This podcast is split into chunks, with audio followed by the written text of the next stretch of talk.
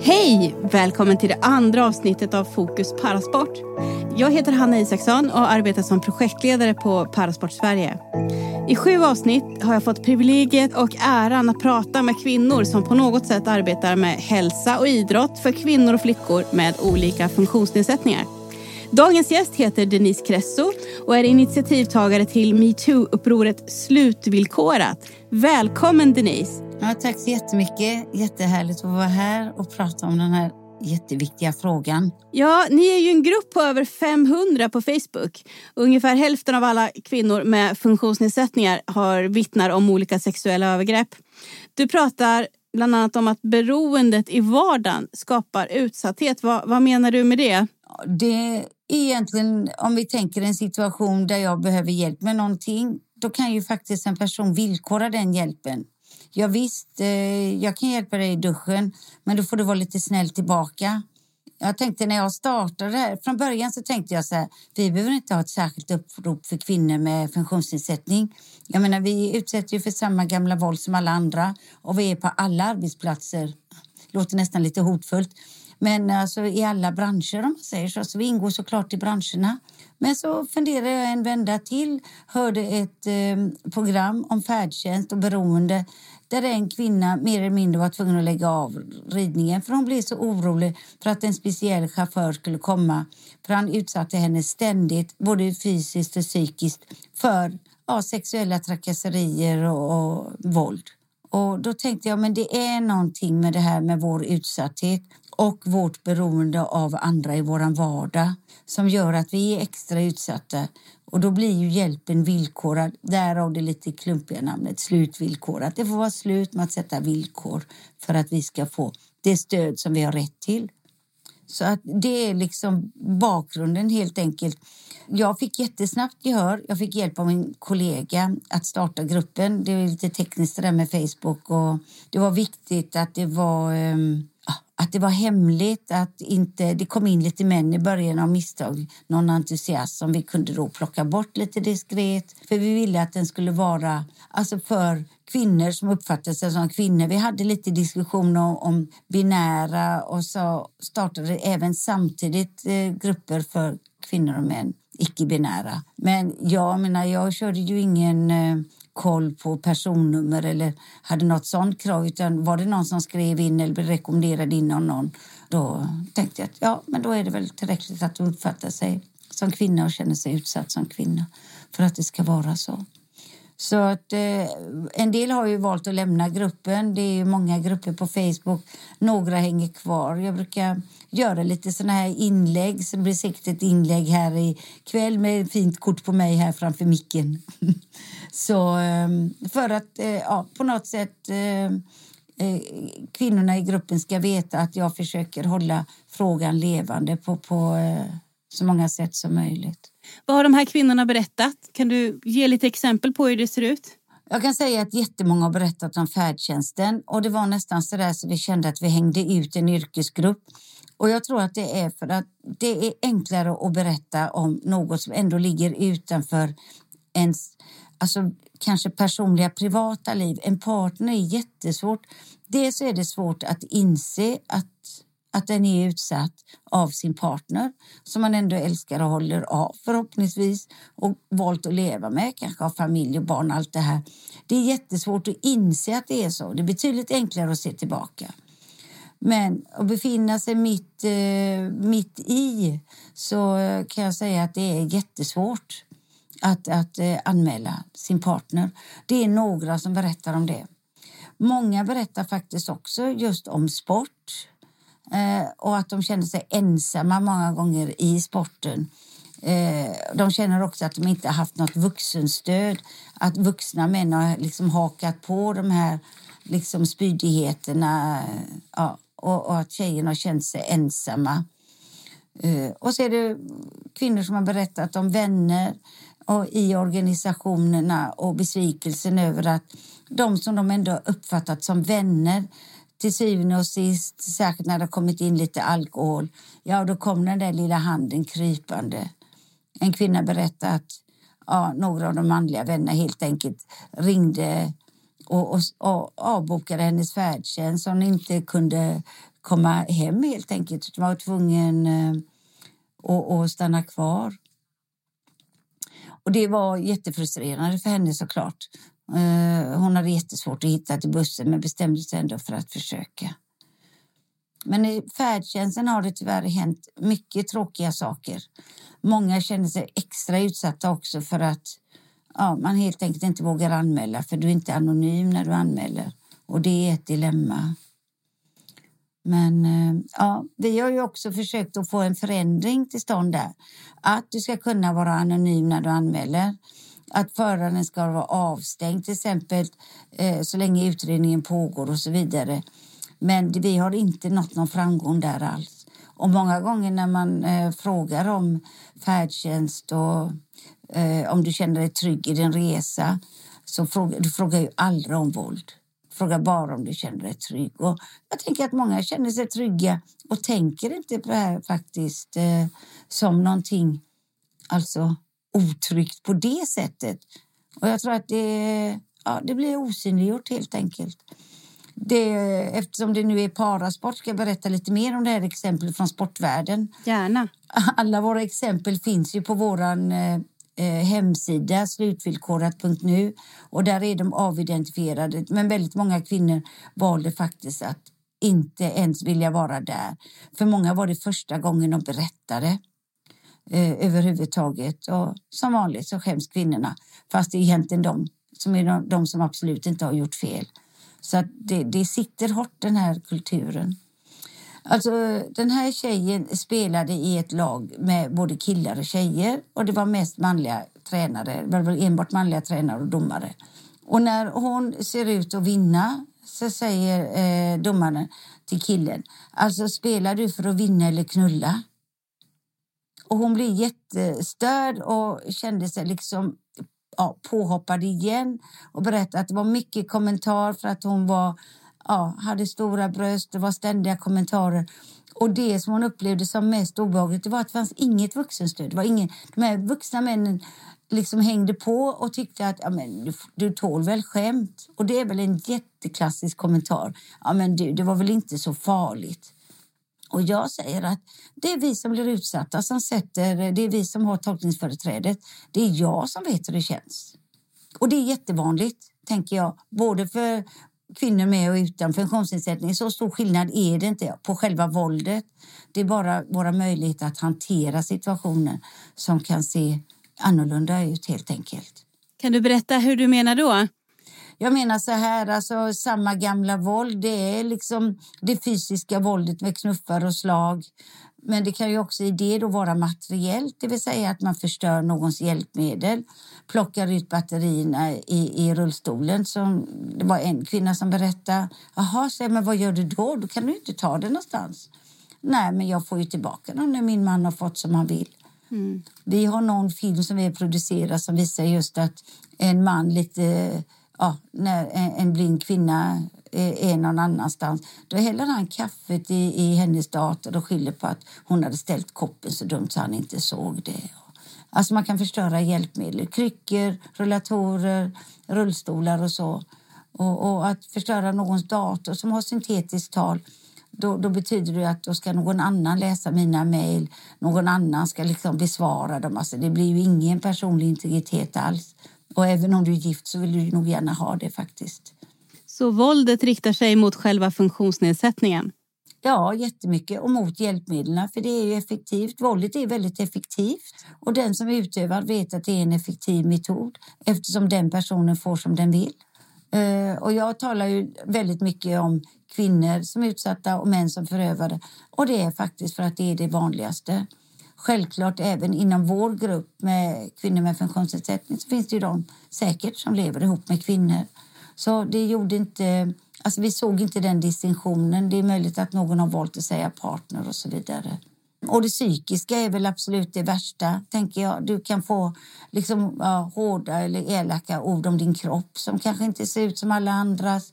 Din rörelse, du är inte den där riktiga akrobaten i sängen. Du kan bli alltså, tillsagd. Alltså, du, om jag ska gå och duscha, titta på den här eh, eh sexrullen så länge så kanske du kan se hur riktiga kvinnor gör i sängen. Alltså jättemycket sånt som jag har hört genom åren som verkligen är de här stygga.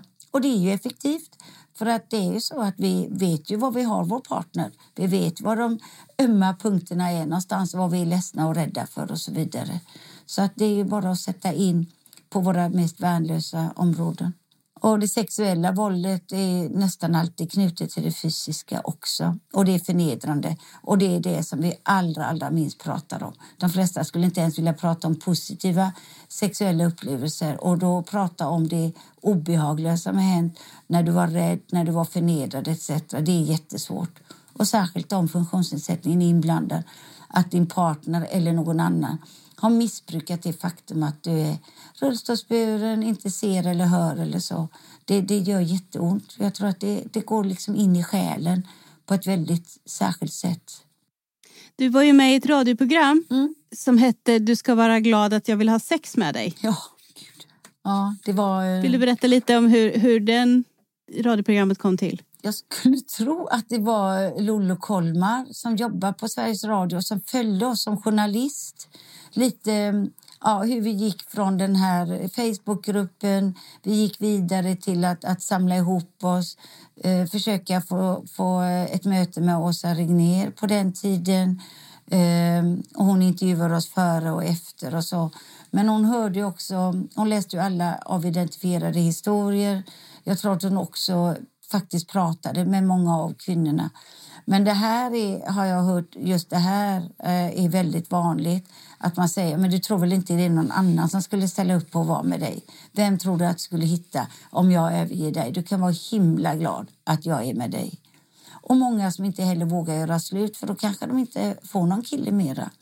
Det är många kvinnor jag mött med intellektuell funktionsnedsättning som betalar ett högt pris för att vara, ja, som var betraktad som kvinna och vara som alla andra. Jag pratade med Maria innan dig och vi pratade om det här med roller. Mm. Att kvinnor med funktionsnedsättning ofta behöver kämpa för att uppnå roller som kvinna, maka, mor, yrkeskvinna. Tror du att det gör det svårare att stå emot press utifrån när man fortfarande inte har erövrat de här rollerna som ofta kvinnor utan funktionsnedsättning erövrar? Alltså, jag tror att väldigt, väldigt många kvinnor känner sig alltså, osedda, om man nu får säga som sexuella varelser, sexuell person. Att få utstråla lite sex appeal, att eh, möta någon som uppfattar en på ett sensuellt sätt, att få kontakt alltså den vägen. Jag tror att många tänker att det kommer inte att ske och det är en väldigt dålig tanke för då kommer det inte att ske. Men det är svårt att få det här självförtroendet när fokus hela tiden ligger på din funktionsnedsättning när det kanske är det första en, en ja, killar till exempel vet jag har klagat ofta på att ja, men det, det som folk eh, pratar om på krogen så fort det kommer ut det ja, men hur gör du när du har sex med en kvinna? Det var väl det som föranledde eh, vad heter han? Jesper Oldberg va? Ja, just det. Och säger att han eh, tar kvinnan i knät och kör över en tröskel fram och tillbaka. alltså det är liksom aha, en till som var trött på det här. Alltså att det är så nyfiket om man säger så. va. Och jag tror att många kvinnor får väldigt illa av det för de, man känner sig inte kanske så väldigt sexig då när det hela tiden är alltså fokus på det sättet man sitter i, på hur man tar sig fram, om man hittar sin drink. Alltså det blir så stort allting. Så att, mm. ja, jag tror att det ligger mycket i det. Och sagt när du söker hjälp för våld så, så råkar du ut för det. Men säger eh, kvinnofridssamordnaren, jag kan ingenting om funktionsnedsättning. Då får du gå till LSS-handläggaren och hon kan inget om våld. Och det innebär så att jag är ju våldsutsatt. Alltså, jag är kvinna och är våldsutsatt. Det är klart jag ska vara på kvinnofrid. Det har ju väldigt lite... Alltså själva våldet har ju ingenting med min funktionsnedsättning att göra. Det kan ta sig det uttrycket. Men till syvende och sist är jag ändå våldsutsatt. Men det blir olyckligt för många känner att de blir inte trodda. Och de är inte säkra på att de får samhällets stöd om de anmäler.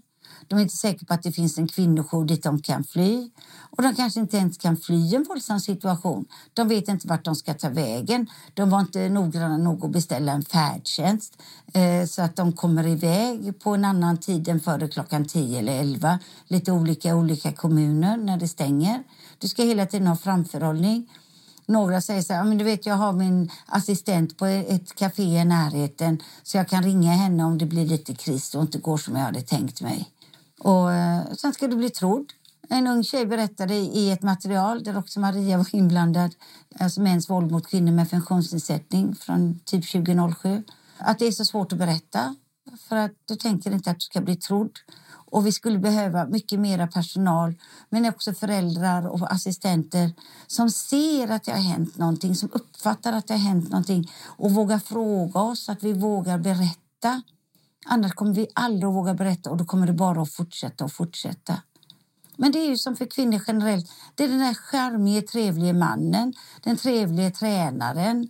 Och så, det tror jag inte du behöver vara inblandad i parasport för att tänka, åh, den där trevlige tränaren, ja, hur trevlig var han egentligen? Och jag har tänkt ibland så här, men vad gör tränarna inne i damernas omklädningsrum? Jag vet inte vad han gör inne i herrarnas heller egentligen. Kan man inte få tvätta sig och göra sig i ordning i lugn och kan man snacka sen? Men det finns många sånt där har jag förstått inom sporten. Jag är ju ingen grundsportperson så som hållit på med massa sporter och omklädningsrum och så. Men, så det är kanske därför jag reagerar på de här grejerna. Ja, nu när vi pratar om parasporten. Du har ju läst vår undersökning som vi gjorde. Ja, jätteimponerad av att ni var så tidiga måste jag säga. Tack så mycket. Ja, vi försöker verkligen jobba med de här frågorna. Mm. Så var det ju väldigt stor skillnad mm. mellan kvinnor och män. Mm. När frågan var Anser du att du har blivit respektfullt bemött inom parasporten så sa kvinnor ja 83,9 procent och män ja 97,5 procent. Ja, jag tänkte att det var ju nästan 100 på dem. Och jag, jag tror faktiskt att det är så. Jag tror att det är så utifrån kommentarerna. Det är så utifrån att, att du inte blir tagen på riktigt allvar. Alltså, vi sprang omkring här i Göteborg och skulle försöka titta på matchen på någon pub med distans då såklart. För att eh, Göteborgstjejerna var i final, eller i alla fall en, en, nästan final. Och det var i alla fall en viktig match. Och vi går in på det ena stället efter det andra där, där de alltid visar Frölunda och IFK. Men inte skulle de visa några Göteborgsdamer där på den där. Och efter tredje eh, puben så tröttnade vi. Alltså så. Och det tror jag... Alltså det, jag har skrivit här någonstans mot slutet, jag kan ta det nu. Jag tror att vi behöver förebilder. För det signalerar ju någonting till tjejer som håller på med, med sport. Och jag tror att är det så att att vi signalerar det här hela tiden, då blir det ointressant och då, då är du inte viktig som tjej helt enkelt. Det är inte viktigt det tjejerna spelar, det tjejerna gör. Och, och, Det tror jag är förödande. Och Blir du behandlad så i din, din eh, alltid sämsta träningstiderna... Mm. Det är ungefär som min dotter som håller på med musik när hon var tonåring. När killarna säger men vad gör de här? Ska de ha spellokal här i Musikens hus? Varför då? kan man ju undra. Så det var inte alls något självklart. Och de, blev, alltså de fick verkligen tuffa till sig och hålla ifrån sig. så. Det var helt hemskt. Hur tycker du att vi inom parasporten ska arbeta för att bli bättre på att förebygga och upptäcka sexuella trakasserier inom parasporten? Jag tror att det är jätteviktigt att fråga. Är du tränare, är du förälder, så avläs de här...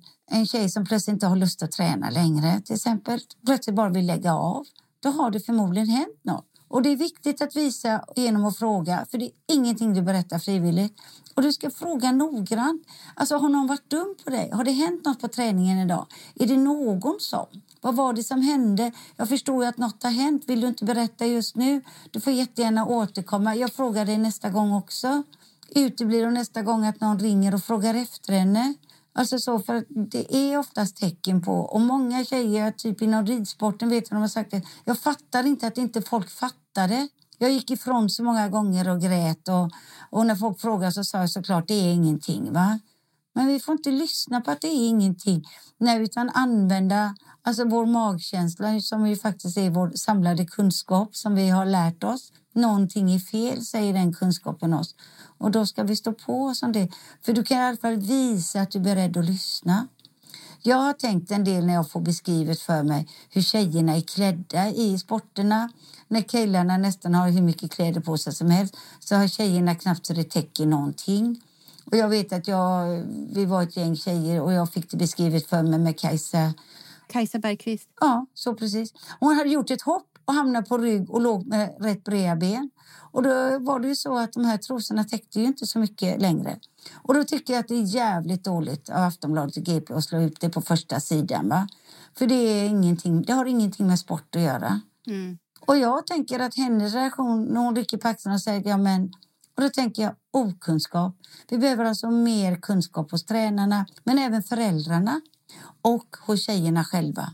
Sitta ner i en grupp och säga så här, vet ni att jag tror att alla här har blivit utsatta på något sätt. Här eller hemma eller på träningen. Jag har varit med om det här. Ja, vad säger ni? Känner igen er? Titta på någon film. Eh, lägga upp ett, ett pratprogram eller något, liksom frågor och så vidare. För det kommer fram. Eller helt enkelt eh, ja, någon föreläsning där man pratar om men vad är sexuella trakasserier. Jag stod en gång till exempel och väntade på eh, ett tåg och det var tidigt på morgonen och föraren såg jämte mig skulle se till att jag kom upp på tåget. Jag är alltså beroende av honom för att komma upp på tåget för det stannar till och sen far det igen, det här Stockholmståget. Och då står han och, och, så har jag min hand under hans armbåge eller vad man nu säger så här, och håller sig där. Inte håller i hans arm bara med ett handgrepp för det är rätt så krampaktigt. Och efter ett tag när vi har stått så och tåget inte kommer så börjar han smeka mig över handryggen. Och det här blir jätteobehagligt. Och då står jag och tänker, ska jag ta bort handen? Blir han sur då? Tänk om han blir så sur så han går iväg. Så jag säger så här, oh, det var väldigt vad tåget dröjer. Jag får ställa mig, jag får släppa taget här lite för att va. Men jag är ju inte tuff nog att säga, men vad fan håller du på med? Står du och smeker min hand? Så tuff är jag inte. va? Och, och jag tror att vi, vi kan också lära oss genom att förbereda oss. Jag vet att vi hade en kurs eh, i projekt Dubbelt utsatt. Så hade vi grupper av kvinnor med lite olika former av funktionsnedsättning för att kunna sätta fokus på eh, feministiskt självförsvar. Lite så bara intro. Och en tjej i permobilen säger till mig, alltså vet du Denise, jag har alltid tänkt att gud hoppas ingenting händer för jag kommer aldrig kunna för försvara mig. Och då säger den här tränaren, ja, för det första att du är värd att försvaras. Tänk inte det var dumt av mig att gå den här vägen. För då har du sagt, han har rätt att hoppa på dig för du gick den vägen. Alltså gatorna tillhör dig också och du ska kunna gå på dem dygnet runt. Det är liksom ett, du är värd att försvaras och du ska försvara dig. Och tänk inte, jag kan inte skada hans ögon. Gud, jag som vet hur det är att vara blind. Nej, men han har rätt att skada dig. Han kanske kommer att döda dig. Då är det liksom, ja, du ska försvara dig.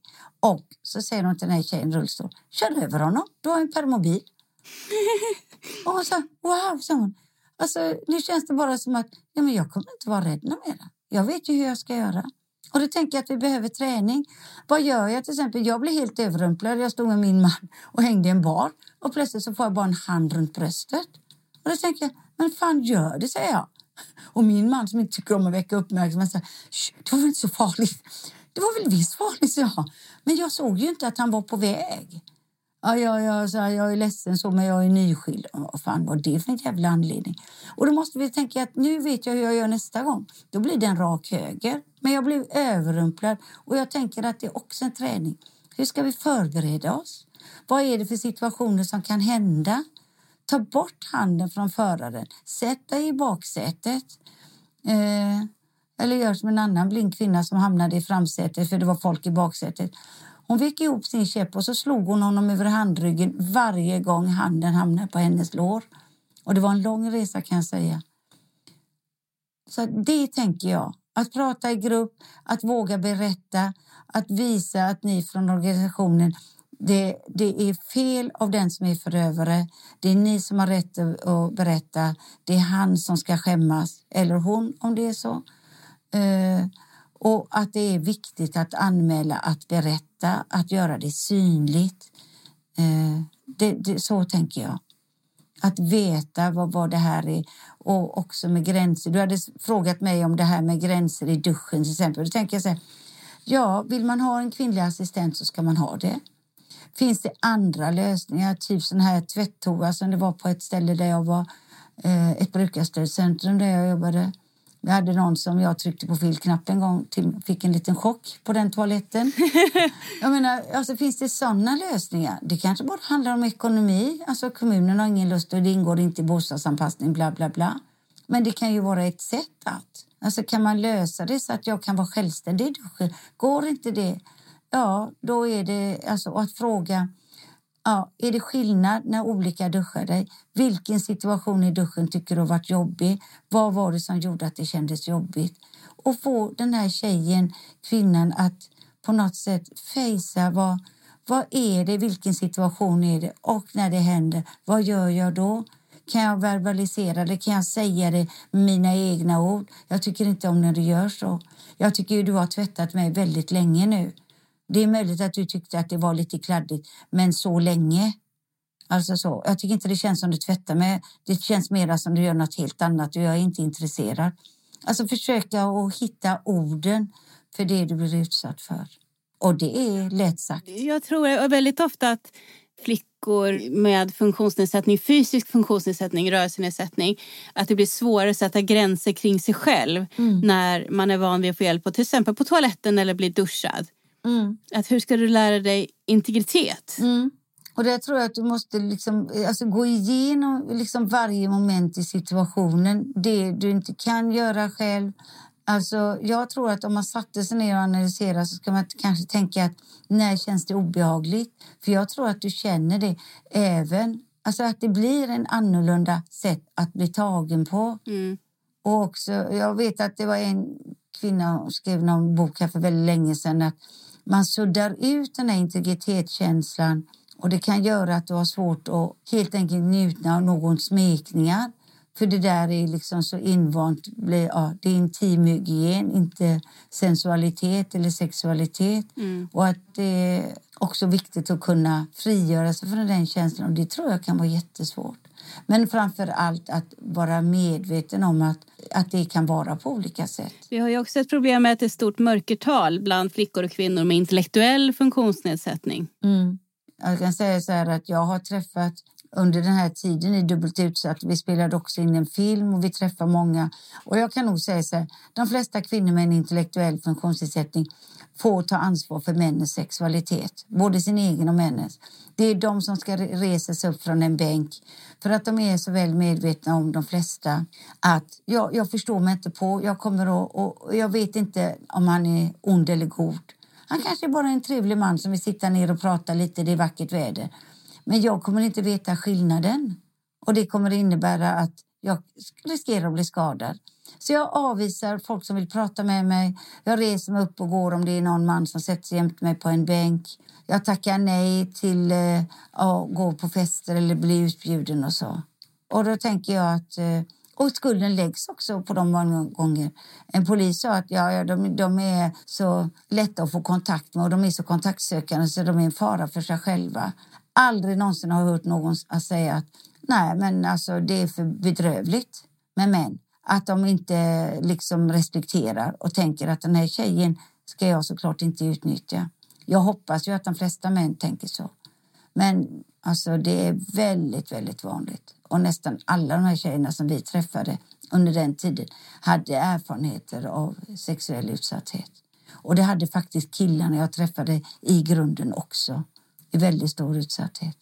Jag tänker att vi inom parasporten eh, är ju sämre på att rekrytera flickor och kvinnor med funktionsnedsättning. Hur stor del tror du att det här har med saken att göra? Alltså det borde ha en hel del med det att göra. För att om det går att rekrytera killar så borde det gå att rekrytera tjejer. För det borde vara, om det inte slår väldigt olika med eh, personlig assistans, ledsagning, ehm, boendestöd, hemtjänst, eh, färdtjänst och så vidare så, så borde det finnas en annan förklaring att eh, just tjejer och, och flickor är svåra att rekrytera.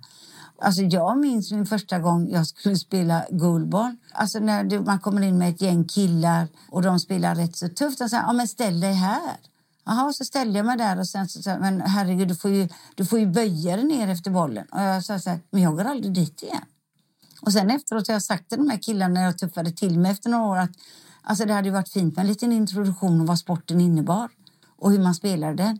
För det blir väldigt svårt för mig som blind att se hur andra blinda spelar. Mm. Så att, alltså, sådana upplevelser kan ju göra att, eh, att du släpper det helt. Va? Och jag tror tyvärr att eh, är det där vanligt, det vet ju inte jag, men är det där vanligt då, då, då, då får vi inga tjejer som vill engagera sig. Alltså alla tjejer är ju utsatta, alltså inom sporten. Det är ju bara att det blir tuffare många gånger att ha en funktionsnedsättning och just att det finns mera sårbara punkter helt enkelt. Men jag menar, det finns ju dåligt självförtroende. Du behöver inte ha något det minsta lilla. Du kanske bara är rödhårig. Alltså så. Alltså det är så vanligt och därför så vet jag att jag tycker att det är svårt när jag utbildar att få eh, alltså personal att fatta att det här handlar om det är samma gamla våld. Men formerna och utsattheten kan se annorlunda ut. Och det är också ett viktigt budskap att du är inte utsatt för att du har en funktionsnedsättning utan du är utsatt för att du är kvinna eller tjej om man säger så. Det är det som leder till det hela, tyvärr. Vi har verkligen en hel del kvar att jobba på. Tack för att du är så engagerad och fortsätter jobba med den här frågan. I nästa avsnitt kommer jag träffa Elisabeth Apelmo som är universitetslektor och som jobbar med frågor bland annat om hur kvinnor med funktionsnedsättning uppfattar den organiserade idrotten och, just kroppen och avvikelse och idrott och även idrottslärarundervisning. Har du någon fråga eller kommentar som du vill att jag ska ta med till henne? Ja, jag tycker det var jättespännande just eh, och det låter ju som att hon är inne på det här då Alltså är det så om man frågar tjejer att det finns upplevelser som gör att det lilla de har testat, det har de valt bort att fortsätta med och vilken förklaring som finns. Och att man kanske om man går ut och frågar om de inte har gjort det förut, faktiskt också frågar om det har funnits anledning utifrån sexuella trakasserier. Var det så att någon fällde en, en taskig kommentar om, om kroppen? Var det så att någon fällde en taskig kommentar om eh, företrädena på kroppen om man nu får säga så, att du är storbystad eller någonting sånt och så vidare. För det tänker jag så att det skulle kunna ge er en väldigt bra ledning i parasporten att gå vidare med det här och då också inkludera männen. Det finns ju ett bra material, Machomaskinen, för både kvinnor och män med och utan funktionsnedsättning. Och det finns lite sport med där också i omklädningsrummet. Det ska jag titta på. Mm. Maria hälsar så mycket till dig och tackar för ditt arbete och uppmuntrar dig. Fortsätt som du gör och jobba med den här frågan.